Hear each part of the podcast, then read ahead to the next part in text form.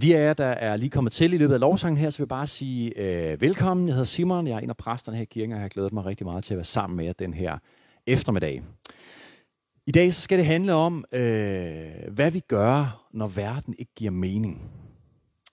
Det skal handle om, hvor vender vi os hen, når øh, det er simpelthen bare svært at se en vej frem. Det er simpelthen svært at se håb, det er simpelthen svært at se en fremtid. Og øh, hvis du har det ligesom mig, så kan det også være, at du indimellem øh, vender dig mod Gud og siger, Gud, hvad sker der for det her? Hvad er det for noget, det her corona? Hvorfor er det, at vi skal igennem det her? Hvorfor gør du ikke noget? Vi ved, Gud, at du kunne gøre noget. Du kunne knipse med fingrene, og så var den virus væk. Hvorfor er det, du ikke gør det? Og det er ikke, fordi jeg sådan set har et gyldent svar på det. Det er nok kun Gud, øh, der kan svare på det, men der er alligevel noget rigtig vigtigt for os i forhold til, hvordan er det, vi forholder os i den her situation. Og det, som jeg også gerne vil kan man sige, snakke lidt mere om i dag, det er også, hvad er det, det viser om os. Altså de reaktioner, vi har i sådan en her tid, i sådan en her periode, det viser noget om os, det afslører vores hjerter. Og det kan både være nogle gange en lille smule hårdt, men det kan faktisk også være helt vildt hjælpsomt. Og heldigvis, så ved Gud allerede, hvad der bor derinde. Han er, øh, kan man sige, endnu bedre klar over, hvad der bor i vores hjerter, end vi selv er. Han kender os endnu bedre, end vi selv gør, så derfor så er der ikke noget på en eller anden måde, vi skal skamme os over og komme frem med over for ham. Det har jeg lyst til at sige bare lige som introduktion til den her tale. Og øhm, den historie, vi skal være sammen med, det er en historie fra Johannes evangeliet kapitel 6. Det er øh, en meget særlig historie, synes jeg. Den, den er for de af jer, der, der kan man sige, kender historien op til det, så er der lige sket det, at der har været den her fantastiske bespisning, hvor Jesus han bespiser 5.000 mænd plus kvinder og børn, der har nok været i omegnen af i hvert fald måske 15.000 mennesker med to brød og fem fisk. Så efter det, så kommer den her fantastiske øh, beretning, hvor han sammen med disciplene sejler ud på Capernaum sø, hvor der kommer en storm, og hvor han kommer gående til dem derude. Helt fantastisk, og de virkelig får lov til at, at se ham på en helt øh, suveræn, guddommelig måde. Og så er det så, at vi skal læse om, hvad der sker efter det. Fordi alle de her mennesker, der var sammen med ham, og blev bespist, og jeg forestiller mig, nu har jeg ikke selv været i Israel, men jeg forestiller mig, at det har været sådan lidt øh, forårsagtigt. Det har sikkert været sådan nogle 20 grader, og man har ligget der på de græsklædte skråninger, mens Jesus har talt til os, og øh, så blev alle de her mennesker sultne, og så var det så, han lavede det her fantastiske trick med bare at lave alt det her mad, og jeg ved, historien slutter endda med, at der bliver 12 kurve til overs bagefter. Ikke? Så rigeligt med mad, simpelthen en overflod. Det har simpelthen bare været, altså mener, kunne man forestille sig en bedre dag på en eller anden måde. Bare ligge derude øh, på skråningerne i Israel, og så bare få mad, og bare lytte til Jesus. Ikke? Virkelig fedt. Så derfor så er det selvfølgelig naturligt, at øh, da de så finder ud af dagen efter eller senere på dagen her, at Jesus han er væk, så de her mennesker tænker, hvor er Jesus? Vi, øh, ham skal vi da hænge noget mere ud med. Han kunne da nogle fede ting. Så lad os lige prøve at se, og det er så der, hvor vi dumper ind i historien fra, øh, nu skal jeg finde det her Johannes evangeliet, kapitel 6, vers 24. Der står sådan her. Da skaren nu så, at Jesus ikke var der, og hans disciple heller ikke, gik de ombord i bådene og kom til Kapernaum, det var på den anden side af den her sø, og ledte efter Jesus. Og da de fandt ham på den anden side af søen, sagde de til ham, Rabbi, hvornår er du kommet hertil? og det, det kan godt lide den respons der, fordi allerede her, så kan man godt mærke, okay, der er et eller andet en lille smule ulment i den her approach, de har til Jesus, fordi de var jo på jagt efter Jesus, men da de så finder ham, så lader de som om, nå, det var da hyggeligt, Jesus lige stod på dig her, det var da tilfældigt, at vi lige skulle mødes igen, ikke? Og øh, det vi mærker se, når man læser ved historien, det er, at allerede her, der har Jesus faktisk gennemskuddet dem. Han er godt klar over, hvorfor det er, de virkelig er kommet. Det er nemlig ikke bare tilfældigt. Prøv at høre videre, hvad han siger. Jesus svarede dem, sandelig, sandelig siger jeg, I leder ikke efter mig, fordi I fik et tegn at se, men fordi I fik brød at spise og blev mætte. Arbejd ikke for den mad, som forgår, men for den mad, som består til evigt liv, den som menneskesønnen vil give for ham har faderen Gud selv sat sit sejl på. Så Jesus han har altså gennemskuet dem allerede her, og han siger på en eller anden måde til dem, på sådan lidt pæn måde, lad nu være med at spille fromme. I er jo ikke her bare, fordi I synes, det er hyggeligt at være sammen med. I er jo dybest set bare kommet, fordi I er blevet sultne igen, og tænker, jamen ham der Jesus, han kunne noget med mad og brød og nogle fisk og sådan noget, så kan han ikke lige gøre det igen. Og her er det så, at øh, de faktisk ligesom fanger og tænker, okay, vi bliver nødt til på en eller anden måde lige at skifte kurs øh, i den her samtale. Så det gør de, og de siger til ham, jamen hvad skal vi gøre, for at vi kan gøre Guds gerninger? Jesus svarede dem, Guds gerning er den, at I tror på ham, han har udsendt. Men igen, så bliver de ved med at prøve at skifte vinkler i det her. Jeg synes, det er en meget, meget interessant samtale. Og det, der er tydeligt, det er, at det eneste formål, de har ligesom at få drejet samtalen hen på det, de er kommet for, nemlig øh, på en eller anden, og på en eller anden pæn måde sagt til Jesus, du ved, kan du ikke bare give os noget af det brød der igen? Det var jo virkelig som om, det var rimelig nemt for dig, så kan du ikke bare give os noget mere af det. Ikke? De sagde til ham, hvilket tegn gør du, så vi kan se og tro dig? Hvad kan du gøre? Og så prøver jeg, hvor snu de er. Vores fædre spiste manna i ørkenen, som der står skrevet. Brød fra himlen gav han dem at spise. det er meget, de er meget snu, ikke? men det er rimelig tykt, hvad det er, de er ude på. Jesus sagde så til dem, sandelig, sandelig siger jeg jer, Moses gav jer ikke brødet fra himlen, men min fader giver jeg brødet fra himlen, det sande brød. For Guds brød er det, der kommer ned fra himlen og giver liv til verden. De sagde til ham, Herre, giv os altid det brød. De har med andre ord, de tror stadig, det er brød, det handler om. Ikke? Og det, der er interessant ved den her, det er, jeg kan simpelthen genkende mig selv nogle gange, altså i den her respons. Og måske kan du også det. Jeg ved ikke. I hvert fald så kan jeg genkende mine børn. De her, der har børn, de vil vide, at hvis børn de har sat sig for et eller andet, de gerne vil have et eller andet, om det er en is eller noget slik eller sådan, så kan de simpelthen finde de mest listige snu måder, og ligesom på en eller anden måde komme øh, sådan, øh, øh, af en hemmelig vej hen til emnet, uden at de faktisk har sagt det direkte. Øh, I løbet af de sidste par uger, så Vega, hun har fået introduceret sådan et begreb, øh, snigende, øh, i, ind i vores, som er ligesom er blevet sådan en del af vores samtale, som er noget, hun kalder for en lækker dag. Og så pludselig så siger hun, Nå, men nu er det jo snart, vi skal holde den der lækker dag. og så sådan, øh, nej, det, jo, jo, jo, far, det snakkede vi om, og det var da, det var da et eget forslag, tror jeg endda, hun sagde. Jeg er rimelig sikker på, at det ikke er mit forslag, at vi skal indføre noget, som hedder en lækker dag, som så handler om, at man igennem hele den dag der kan spise lækkerier, både til morgenmad og formiddagen og sådan noget. Ikke? Og det er ligesom, det er præcis det, de gør ikke også her. Du ved, de kommer, de ved bare præcis, hvorfor det er, de kommer. De vil sindssygt bare have noget mere brød og noget mere fisk, ikke? så de kan blive mætte igen.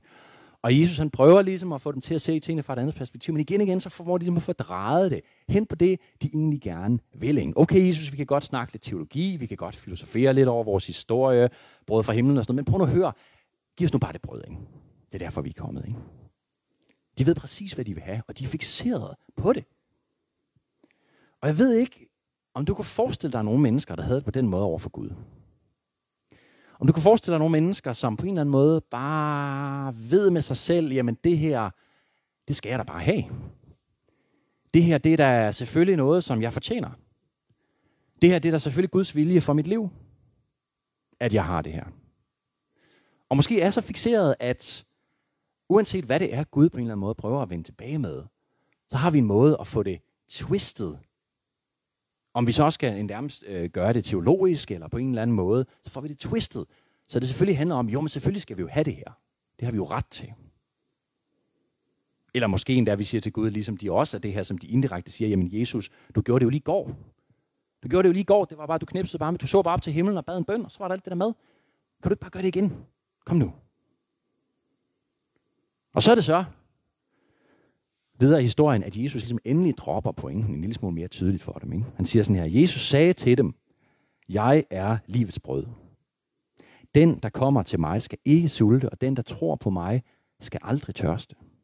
Men som jeg har sagt til jer, I har set mig, og I tror mig ikke. Alt, hvad faderen giver mig, skal komme til mig, og den, der kommer til mig, vil jeg aldrig vise bort, for jeg er kommet ned fra himlen. Ikke for at gøre min egen vilje, men hans vilje, som har sendt mig. Og hans vilje er, at jeg ikke skal miste noget af alt det, han har givet mig, men oprejse det på den yderste dag. For min faders vilje er, at enhver, som ser sønnen og tror på ham, skal have evigt liv, og jeg skal oprejse ham på den yderste dag. Så hvad er det, Jesus siger her til dem? Jeg hører, at han siger, jeg ved godt, hvad det er, I tror, I har brug for, venner. Jeg ved godt, hvad det er, I tror, I har brug for. Men prøv at høre. Det I virkelig har brug for, det er mig. Det I virkelig har brug for, det er mig. Fordi jeg kan give jer noget at spise, som ikke er forgængeligt. Noget, hvor I ikke bliver sultne igen i morgen. Og Jesus han tager alt det her, som de selv har sagt til ham i deres forsøg på ligesom at forvinkle den her samtale. Alt det her med brød i ørkenen og manna og alt det her løg, og så flipper han det fuldstændig. Ikke? Han siger til dem, I spørger om et tegn, så I kan tro, ligesom jeres forfædre fik brød fra himlen. Men hallo, I har set mig, som er det sande brød. Jeg er Gud selv, som er kommet fra himlen. Det andet, det var bare brød fra Gud. Jeg er Gud selv, som er kommet ned til jer, og alligevel så tror I ikke. Og I spørger med tegn. Gud gav jeres forfædre brød for at holde dem i live, med det formål, at de netop skulle lære at være afhængige af ham. Hvis I kan huske historien, så gav Gud dem hver morgen brød, men det kunne ikke holde sig til dagen efter. Så hver morgen var de nødt til bare at stå op og sige, Gud, vi har ikke noget mad, vi er totalt afhængige af dig, og hver dag gav Gud dem brød. Og det er den samme pointe, ikke også? Det er det, det, som Jesus siger til dem. Det var det, der var pointen. I skulle lære at blive afhængige af mig. I skulle lære at blive afhængige af Gud. Men her er jeg.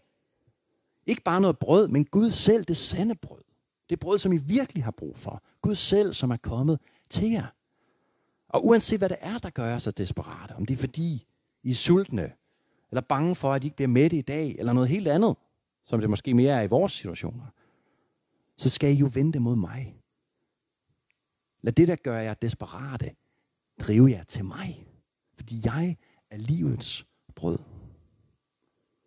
Men problemet er, når man læser videre, jeg kommer ikke til at læse det hele, fordi det er en lang historie, det er, at de er så snævert fixeret på det, som de vil have.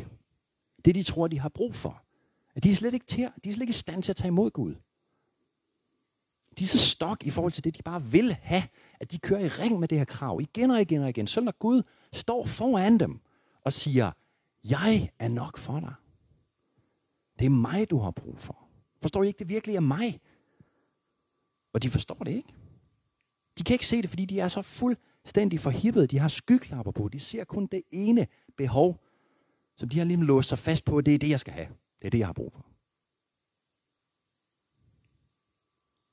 Så siger Jesus videre, jeg er det levende brød, som er kommet ned fra himlen. Den, der spiser af det brød, skal leve til evig tid.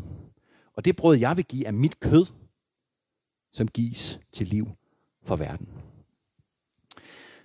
Og på mange måder, så når vi læser de her historier om jøderne, ikke også, og i de her dialoger med Jesus, så er det jo nemt at blive irriteret på dem, og sådan dømme dem lidt halvdumme, og sådan. Men helt ærligt, lige her, der tager historien lidt en drejning, hvor man, hvis man forestiller sig lidt, at vi var i deres situation, at man nok selv vil tænke, okay, nu bliver det lidt mærkeligt. Hvad var det lige, han sagde? Det brød, jeg vil give, af mit kød, som gives til liv for verden. Så efterfølgende, hvor der står sådan her, så kom jøderne i voldsom diskussion med hinanden og sagde, hvordan kan han give os sit kød at spise? Og det er jo på en eller anden måde øh, faktisk et meget færre spørgsmål at stille. Øh, det er på en eller anden måde, synes jeg faktisk, en meget, det er på en eller anden måde en rigtig respons. Hvis jeg kom en dag i kirken og sagde til jer, I skal bare øh, tage en bid.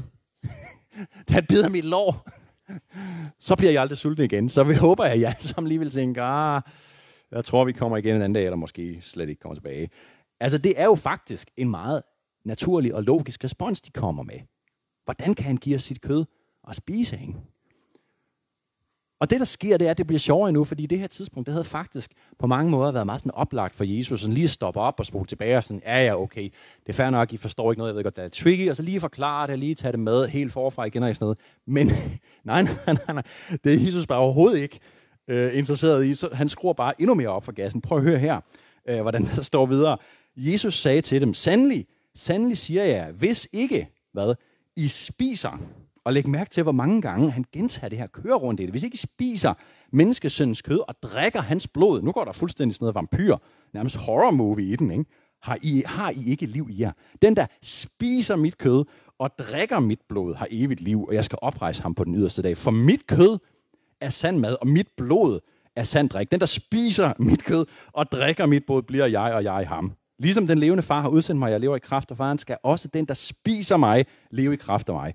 Det brød, som er kommet ned fra himlen, er ikke sådan, som det fædrene spiste, de døde, men den, der spiser dette brød, skal leve til evig tid. Det er der.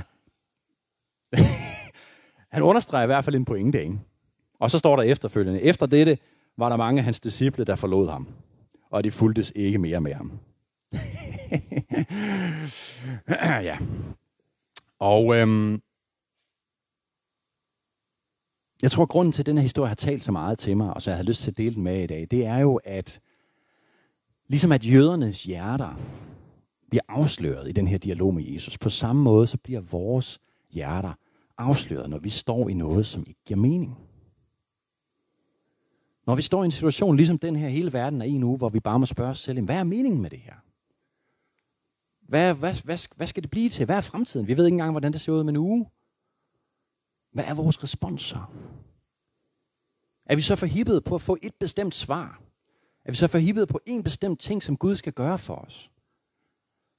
Eller er vi faktisk i stand til at se, når han kommer til os og står lige foran os og siger, jamen min ven, jeg kan godt forstå, at du gerne vil have svar, men prøv at høre, jeg er svaret. Det er mig, du har brug for. Og det er faktisk særligt, når vi er i en situation som den her, at vores hjerter bliver afsløret. Vi får simpelthen afsløret vores, kan man sige, de dybeste motiver i vores hjerter. Netop når vi står over for ting, som vi ikke forstår. Og man kunne spørge sig selv, jamen, eller jeg kunne spørge dig, hvad synes du var det bedste, som Gud kunne give dig lige nu? Hvis man ser bort fra, fra krisen og sådan noget, hvad, så det, hvad var det bedste, Gud kunne give dig lige nu? Var det et nyt job? Eller var det en kæreste? Eller var det et barn? Hvis man tænker hele den her situation, vi står i lige nu, hvad, hvad var så det bedste, Gud kunne give os lige nu? Var det en vaccine? Eller var det, at han knipsede med fingrene, og så var virusen væk? Det er ikke det bedste, han kan give os. Det bedste, han kan give os, det er ham selv. Det er stadig ham selv. Det er altid ham selv. Fordi han er dybest set det, vi virkelig har brug for. Han er det, vi virkelig har brug for. Og det spørgsmål, som jeg blev ramt af, da jeg sad og læste over den her tekst og studerede den, det er, tror vi egentlig dybest set på Gud på grund af det, han giver os? Eller tror vi på Gud på grund af den, han er? Tror vi på Gud og går vi i kirke, fordi det giver os en sikkerhed, eller det giver sådan en tryghed i forhold til, nå, men så har jeg Gud i ryggen eller han skal nok sørge for mig, og så kan jeg bede til ham, når jeg har det hårdt, og han er jo en god far, så han ønsker jo også at velsigne mig, og det gør han jo. Men er det derfor, vi tror på ham? Eller tror vi på ham, fordi vi har set, hvem han virkelig er? Fordi vi har set, hvor smuk han er. Hvor kærlig han er, hvor god han er, hvor værdig han er til at give vores liv til. Om lidt skal vi fejre nadver sammen, for helt fysisk at sige ja til Jesus' invitation, til simpelthen helt fysisk at spise hans kød og hans blod, altså brød og vin eller saft, hvad det er, vi nu har derhjemme. Men inden vi gør det, så skal jeg bare lige slutte den her historie af, fordi den er ikke helt slut. Den har nemlig en fantastisk pointe til sidst. Den er en af de mest kraftfulde bekendelser i hele det nye testamente, synes jeg. Måske er det den mest kraftfulde, og det skal jeg uddybe, hvorfor jeg synes. Og selvfølgelig så er det disciplen Simon Peter, der endnu en gang blabrer ud med noget, som han jo altid gjorde. Tit så var det noget dumt, han sagde, men nogle få gange, så kom der rent faktisk noget fantastisk ud af hans mund. Prøv at høre her. Jesus spurgte da de 12, vil I også gå jeres vej? Simon Peter svarede ham, Herre, hvem skal vi gå til? Du har det evige livsord, og vi tror og vi ved, at du er Guds hellige. Og hvorfor er den her bekendelse så fantastisk, tænker du måske? Jo, tror jeg, Peter sagde det her, fordi han forstod, hvad det var, Jesus snakkede om. Tror jeg, han var klog nok til at have regnet ud, hvad det var, han snakkede, eller hvad Jesus snakkede om i modsætning til alle de her jøder. Nej, Peter han fattede ikke et hak af, hvad Jesus snakkede om. Han har bare tænkt, okay, Jesus, hvad, hvad er det, du snakker om? Vi skal spise dit kød. Altså, det er jo nemt for os. Vi kender historien, ikke også? Ved, hvordan det går. Skal jeg torsdag, hvor Jesus indstifter nadveren og igen snakker om at give hans kød og hans blod for os, og langt fredag, hvor han rent faktisk giver sit kød og sit blod for os. Det forstår vi, men det var der ingen, der fattede på det her tidspunkt. Peter og de andre har været fuldstændig lige så forvirrede som jøderne. Og det er faktisk derfor, at Peters bekendelse er så fantastisk. Fordi den kommer ikke på baggrund af, at han forstår, hvad der foregår. Den kommer ikke på baggrund af, at han har sådan en særlig dyb filosofisk erkendelse eller et eller andet. Nej, den kommer på trods. Den er alene baseret på, at Peter er desperat. Jesus, hvem skal vi ellers gå til? Og så på, at han på trods af, han ikke fatter, hvad der sker, så har han alligevel tillid til Jesus. Han har set nok af Jesus til at tro på ham. Du har det evige livsord, siger han, og vi tror, og vi ved, at du er Guds hellige. Simon Peter han har erfaret, at Jesus er værd at følge efter, uanset situationen. Uanset om han den ene dag forvandler to brød og fem fisk til en masse mad, eller de andre dage måske må gå sultne rundt. Uanset om han den ene dag helbreder tusindvis af mennesker, og den anden dag ikke helbreder. Uanset hvad der sker, så har han erfaret, Jesus, det er kun dig, jeg kan bygge mit liv på. Du er den eneste, der er værd at følge efter. Og det er nok for Jesus. Ligesom det er nok for ham i dag, det er nok for Gud, at vi klynger os til ham. Også når vi ikke forstår en hat af, hvad der foregår. Også når vi synes, vi mangler svar på spørgsmålene. Faktisk tror jeg, det er lige præcis det, han ønsker. En, på en måde en, en barnlig tillid. Jeg tror faktisk, han har det på den måde, at han nægter faktisk at være et middel til et mål. Fordi han er jo målet i sig selv. Han er det bedste, han kan give os. Han er det eneste mål, som er værd at forfølge. Og jeg synes, det her det er godt nyt til os alle sammen i den her tid. Fordi uanset hvor vi står, uanset om vi er ved at cracke, altså, eller vi sådan set har det okay, eller vi bare keder os, eller hvad det er, eller om I ligesom mig og mange andre, jeg har snakket med, oplever, at faktisk det, der sker i den her tid, det er faktisk, at mange af de mest på en eller anden måde nederen ting inden i os, de kommer ud. Fordi vi går op og ned af vores familie, eller vi går alene rundt, og alle de der nederen ting, de kommer ud. Og ved I hvad, det er okay med Gud. Gud han ønsker bare, at vi vender os mod ham og siger, Gud, jeg klynger mig bare til dig. Jeg er desperat efter dig. At vi gør ligesom Peter, at vi på trods af, at vi ikke forstår, hvad det er, der sker, at vi klynger os til ham. Og bare siger, Gud, I'm all in.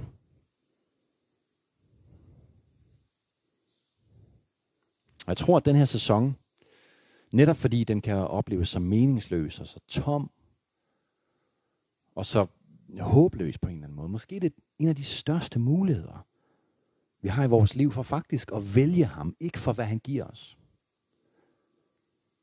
men bare for hvem han er. Så det vil jeg opfordre dig til, og jeg vil gerne bede en bøn her som afslutning, inden vi skal fejre nadver. For de er som har det ligesom Peter, som bare siger, okay, men jeg fatter jo ikke et hak af det her. Og jeg har svært ved på en eller anden måde at forligne det med min tro på Gud. Jeg har, Gud, hvor, hvorfor er det, det her skal ske?